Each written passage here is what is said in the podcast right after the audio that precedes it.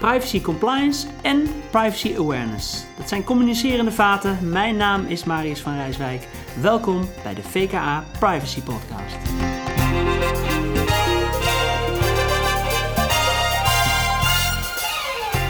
We beginnen deze uitzending over de volgende stap in privacy compliance. Als organisatie uh, wil je de volgende stap nemen op het gebied van privacy en security, maar hoe doe je dat nou? nou bij mij aan tafel zit uh, Bijke van Kranenburg. Welkom Bijke. Dankjewel. Nou, ik ben Bijke van Kranenburg. Ik ben uh, functionaris gegevensbescherming en kwaliteitsmanager bij Keerpunt. En nou, leuk dat ik hier uitgenodigd ben. Ja, Dankjewel. leuk dat je er bent. Hartstikke goed. Hey, om maar gelijk uh, met de deur in huis te vallen. Hè. Uh, ik, ik, begreep van jullie dat jullie aan het begin, toen de AVG er kwam, dat jullie een interne audit hebben laten uitvoeren.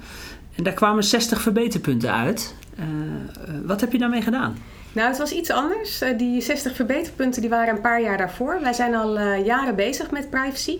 We hebben al uh, meer dan vier jaar hier heel veel aandacht aan besteed. Mm. En inderdaad, vier jaar geleden hebben we een interne audit gedaan samen met een externe partij. En toen kwamen er nog zo'n 60 aandachtspunten uit. Ja. En inmiddels zijn we al heel veel verder en daar zijn we hartstikke trots op. En, uh, dus het is gelukkig niet zo dat we bij aanvang van de AVG nog 60 overstaande punten hadden. Oké, okay. dat, dat maakt er heel veel uit, denk ja, ik. Uh, ja.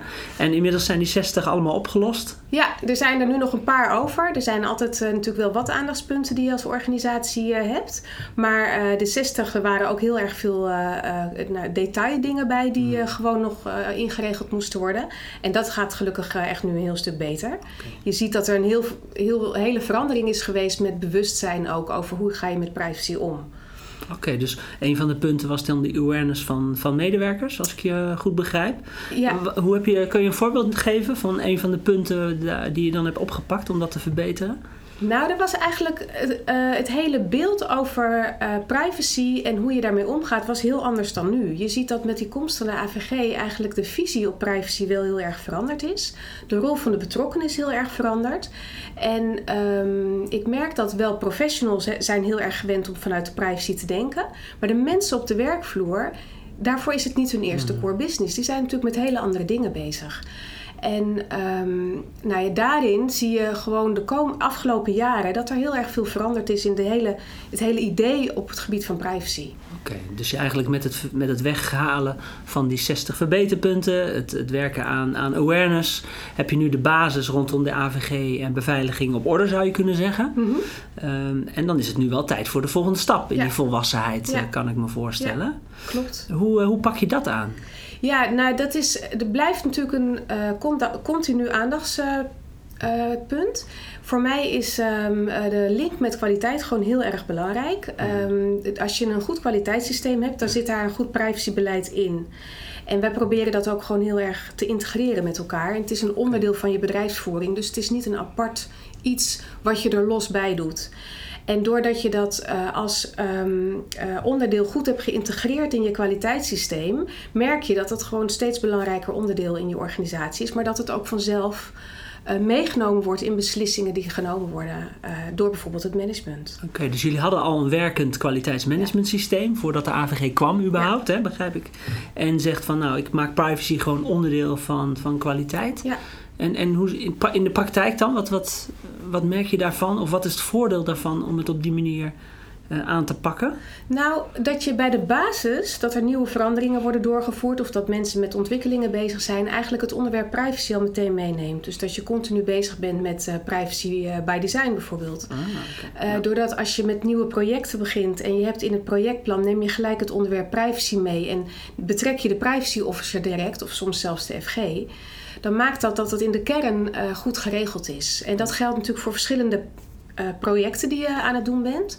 Maar ook bij bijvoorbeeld andere dingen die vanuit kwaliteit belangrijk zijn. Kijken naar stakeholders, uh, uh, maar ook je marketingprocessen, HR-processen. Als je op al die vlakken privacy meeneemt, dan regel je dat in de kern goed. Oh, okay. En dat, uh, dat vind ik erg belangrijk. Ja, en kan ik me dan ook voorstellen dat je met interne audits die je als onderdeel van je kwaliteitsmanagementsysteem mm -hmm. doet, dat je dus ook privacy daarin meeneemt. Ja. Dus je, eigenlijk heb je een heel systeem al klaarstaan Klopt. om, om privacy integraal onderdeel te, Ja. uit laten maken van je bedrijfsvoering. Klopt, ja. En, en risicomanagement, hè, een van de belangrijke dingen die ook uh, in die AVG, hè, die Mhm. risicogebaseerde benadering, Ja, die zit er dan ook gelijk in. Dan heb je het ook gekoppeld aan risicomanagement. ja Ja, uh, in de verschillende risicoanalyses die wij doen, wordt privacy meegenomen.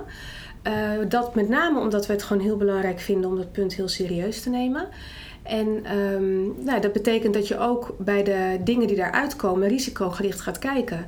Dus dat je echt kijkt van welke punten moeten we uh, en willen we opnemen. Welke zijn daar belangrijk genoeg voor en welke kun je uh, minder focus op leggen. En dat geldt niet alleen voor de risico's, maar ook voor de kansen. Ja, oké. Okay, kansen en risico's die neem je mee ja. in dat verhaal. Ja. En de, die nieuwe ISO 9001, hoe verhoudt zich dat dan tot dit framework wat je nu hebt staan rondom privacy? Nou, wat je, wat je ziet is uh, dat de nieuwe ISO eigenlijk uh, anders is dan, uh, dan voorgaan. Vroeger was het wat veel meer procesgestuurd.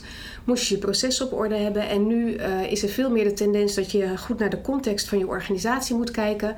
Dat je wet en regelgeving goed integreert. Dat was natuurlijk altijd al zo. Mm. Maar dat je ook je stakeholders meeneemt en dat je risicogerichte benadering toepast. En dat zie je bij de AVG natuurlijk hetzelfde. Mm. Dus in die zin zit er heel veel overeenkomsten in. En uh, ja, kan je eigenlijk de manier waarop je dat toepast op dezelfde manier aanpakken. Ah, Oké, dus dat sluit heel erg op elkaar aan. Ja. Uh, dus je kunt die integrale benadering is dus ook heel goed mogelijk, uh, ja. begrijp ik. Ja. Oké, hey, en, en, want jij bent dan FG binnen Keerpunt. combineer je dat dan met, met je kwaliteitsmanagementrol? of hoe moet ik dat zien eigenlijk? Nou, ik ben, ik ben jaren geleden begonnen als kwaliteitsmanager. Um, in de afgelopen jaren staat ons kwaliteitssysteem gewoon heel sterk. Dus gelukkig kan ik daar veel meer focus van afhalen. En uh, kan ik, nu ben ik ook FG, kan ik natuurlijk ook heel veel tijd, uh, mijn beschikbare tijd uh, daaraan spenderen. Ja. Het voordeel is dat ik de organisatie heel goed ken. Ik, ik, kom natuurlijk overal binnen, ik zit met iedereen aan tafel, ik mag me met alles bemoeien. En dat is als FG ook heel erg handig ja. soms. En um, ja, eigenlijk hoef ik aan het basiskwaliteitssysteem niet zo heel erg veel meer te doen. Ik ben wel verantwoordelijk voor een aantal zaken. Ik zorg ook dat het goed mm. wordt uitgevoerd. Ik ben betrokken bij audits, et cetera. Maar ik hoef niet alles zelf te doen. Dus ik heb ook een goed team uh, klaarzitten die interne audits kunnen uitvoeren. En uh, ja, dat maakt dat ik dus ook tijd beschikbaar heb om uh, mijn taken als FG goed uit te voeren. Ja. hey, maar even advocaat van de duivel ga ik even spelen. Hè? Volgens mij kan die rol, kunnen die rollen helemaal niet gecombineerd worden, toch? Als FG heb je een toezichthoudende rol mm-hmm. En ben je onafhankelijk. Dan moet je mm-hmm. onafhankelijk zijn. Terwijl je als kwaliteitsmanager vaak toch in de lijn gepositioneerd bent. Ja, Hoe nou is dat bij ons iets anders. Ik zit niet uh, in de lijn, ik zit op een aparte afdeling. En um, juist omdat ik als kwaliteitsmanager veel betrokken ben bij zaken, weet ik wat er speelt en kan ik daarin ook goed advies geven. Mm -hmm. Daarin is het wel zaak dat ik als FG af en toe buiten de organisatie moet gaan staan en met een onafhankelijke bril moet kijken wat gebeurt hier nou precies. Maar ik denk dat ik juist doordat ik als kwaliteitsmanager weet wat er speelt, dat ik mhm. al aan tafel zit, dat ik juist ook in staat ben om een heel goed advies te geven. En um, natuurlijk moet ik af en toe echt even buiten de organisatie staan en uh, kijken van uh, wat vind ik hiervan, onafhankelijk als FG. Ik heb daar ook um, uh, coaching voor. Ik kan dus ook met een externe partij die niet bij Keerpunt mm -hmm. betrokken is sparren. En dat houdt me scherp. Ja. Maar ik denk zeker dat die rollen heel goed uh, te combineren okay. zijn. Ja. Sterker nog, ik denk juist dat het heel veel meerwaarde heeft voor onze organisatie. Oké. Okay. Maar ik hoor nu vooral uh, een groot uh, mooi verhaal van je natuurlijk. En met alleen maar voordelen. maar ik kan me ook voor, best wel voorstellen dat er spanningsveld is ja. tussen die twee. Kun je een voorbeeld noemen waaruit dat in de praktijk is gebleken? Um, nou ja, er zijn natuurlijk wel situaties dat, dat ik vroegtijdig betrokken word bij bepaalde zaken. Um, bijvoorbeeld bij de uitvoer van een PIA, als ik uh, daar vragen ja. over krijg. Dat ik um, daarna dat het heel lastig is om hem ook goed te toetsen. Ja, dat kan natuurlijk soms best lastig zijn. Ja. Uh, ik, dus ik zeg niet dat het alleen maar heel makkelijk mm. is. Maar ik denk toch dat door de manier waarop wij hier binnen Keerpunt met elkaar samenwerken en de manier waarop we elkaar kritisch houden, dat ik die taak goed kan uitoefenen. Oké, okay, maar dus er wel een voorwaarde is dus wel open blijven staan, kritisch blijven ja. op jezelf. Ja. Uh, maar ook feedback ontvangen van, van collega's op die punten. Nou, en gesteund worden door je directie. Ja, oké, okay, steun. En dat is natuurlijk ja. ook heel erg belangrijk. Dat de directie weet dat ik um, de ene keer uh, iets zeg als kwaliteitsmanager, maar dat ik soms als FG echt er helemaal buiten moet staan. En dat ik dan niet altijd even makkelijk kan zeggen: Oh, het is goed. Dat ik als FG echt een andere rol heb. Ja, dus als je dat maar open en transparant naar elkaar maakt. Van ik zit nu in mijn rol van FG of nu in mijn rol Ja. van kwaliteitsmanager. En, en dat er gerespecteerd wordt eigenlijk. Dan is dat goed te combineren. Ik Nou, vraag ook wel eens, van, vraag je dit als FG of vraag je het als kwaliteitsmanager? Even welke pet zet je op? eh, Oké, ja, heel goed. Heel goed.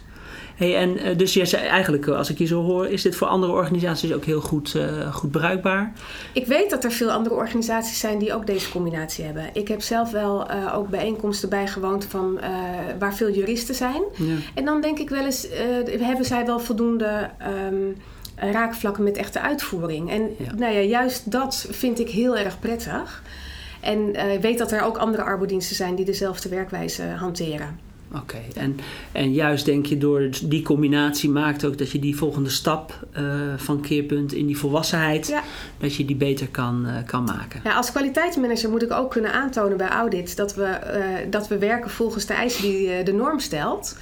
En ik ben dus gewend ook om accountable te zijn. Ja. En dat geldt ook bij de AVG.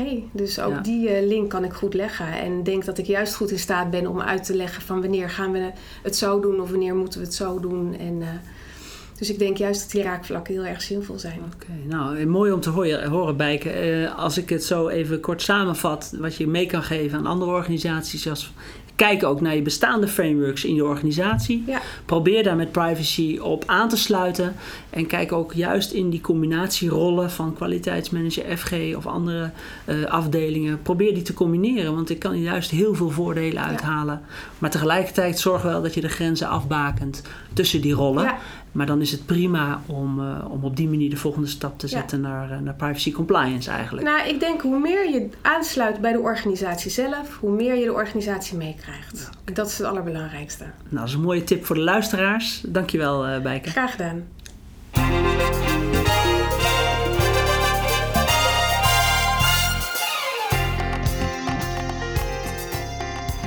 Ook in de uitzending Letty Wessels over de e-learning, sociale wijkteams en privacy. Eh, goed dat je er bent, eh, Ja, Letty. Misschien voor de luisteraars goed als je je even kort voorstelt.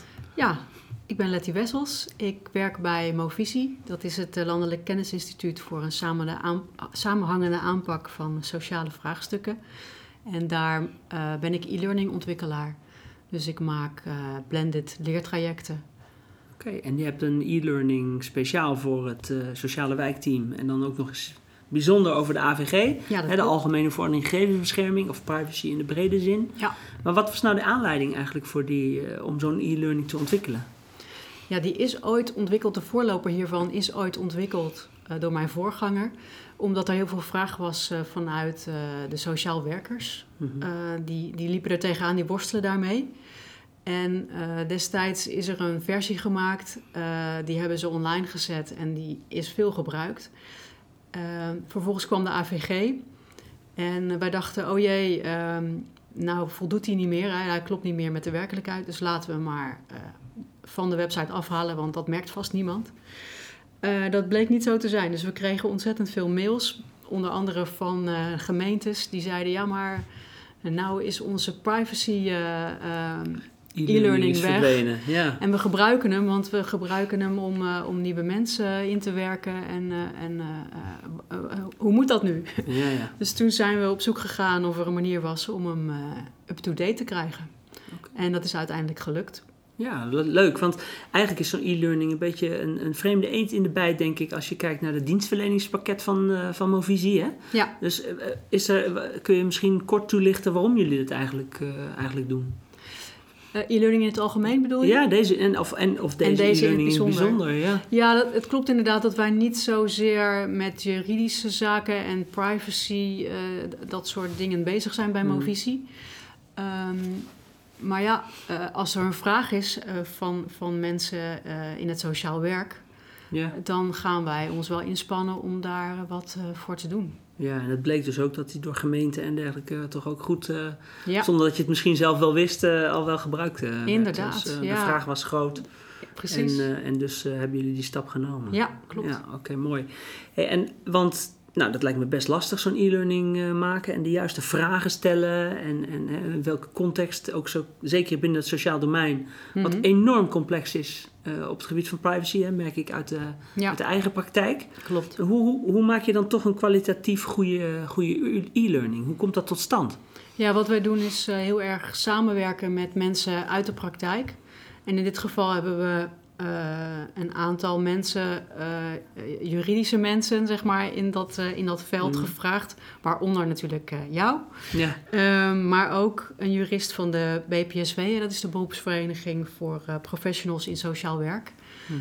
En een aantal mensen die in het sociaal werk werkzaam, werkzaam zijn, die in wijkteams bijvoorbeeld ehm, gewoon met dit soort dilemma's te maken krijgen.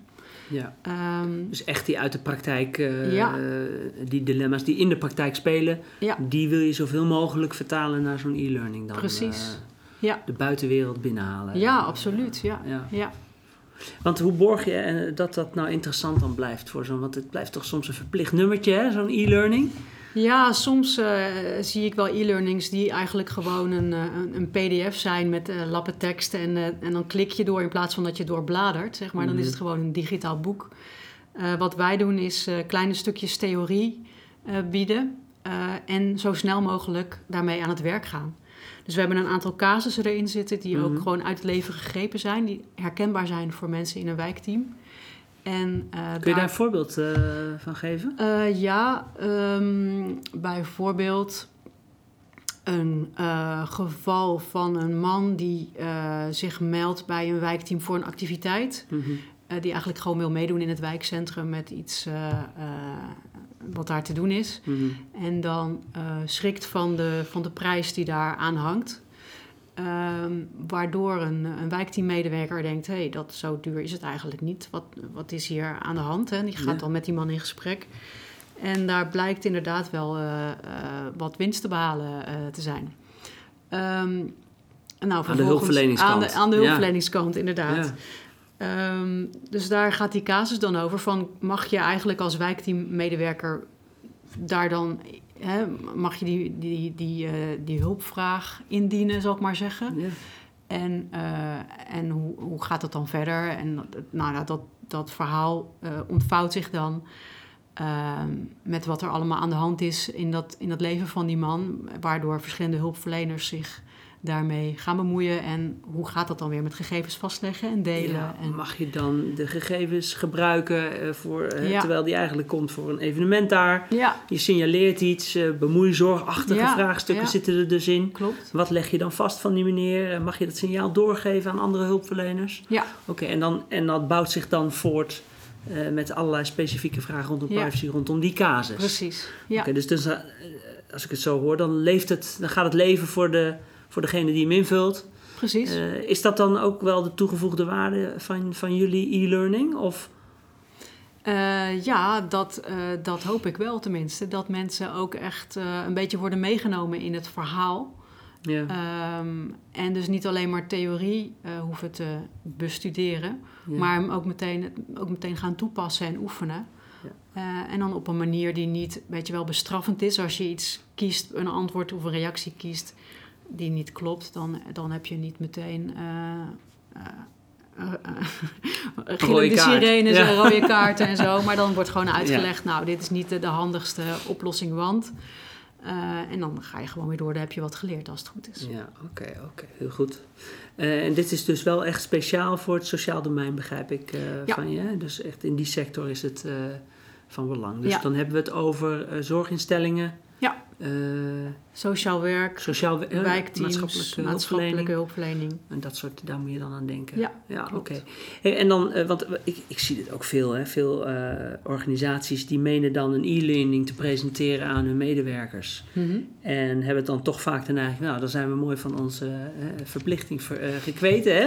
Oh We ja. hebben iedereen een e-learning laten doen, dus ze weten het nu. Ja. Ehm, hoe, hoe zien jullie dat? Want bieden jullie daarnaast nog andere dingen aan dan de e-learning? Of...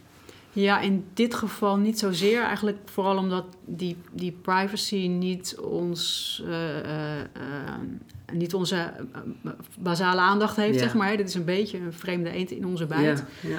Uh, maar op de meeste andere thema's waarop wij uh, e-learnings maken, dan maakt de e-learning onderdeel uit van een groter geheel.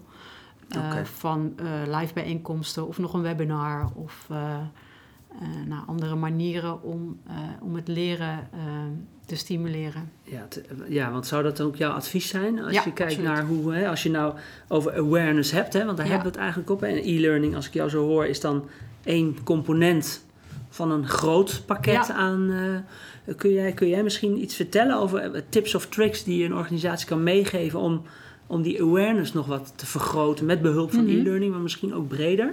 Ja, wat ik ehm, eh, denk is.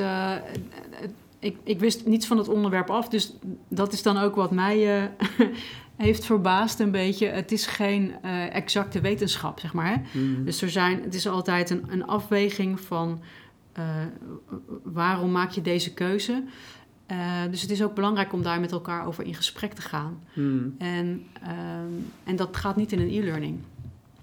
Dus wat ik zou adviseren is om bijvoorbeeld met een, met een groep mensen of met je team ehm, de e-learning te doen en, en dan na te praten over welke, en welke oplossingen Ja. eh, heb jij Mhm. gekozen of waar ben je het wel of niet mee eens of wat zijn herkenbare casussen in onze eigen praktijk die hier eh, mee te maken hebben of die hierop lijken. Ja, En, echt de dialoog aangaan. en de dan- dialoog aangaan met Dus elkaar. die e-learning echt als, als een manier om die kennis wel te vergroten. Ja. Om de aandacht ervoor te krijgen, om die awareness te creëren. Maar aanvullen met de verdieping Mhm. door met elkaar in dialoog te gaan. eh, Ja, en dat houdt in principe ja. natuurlijk nooit op.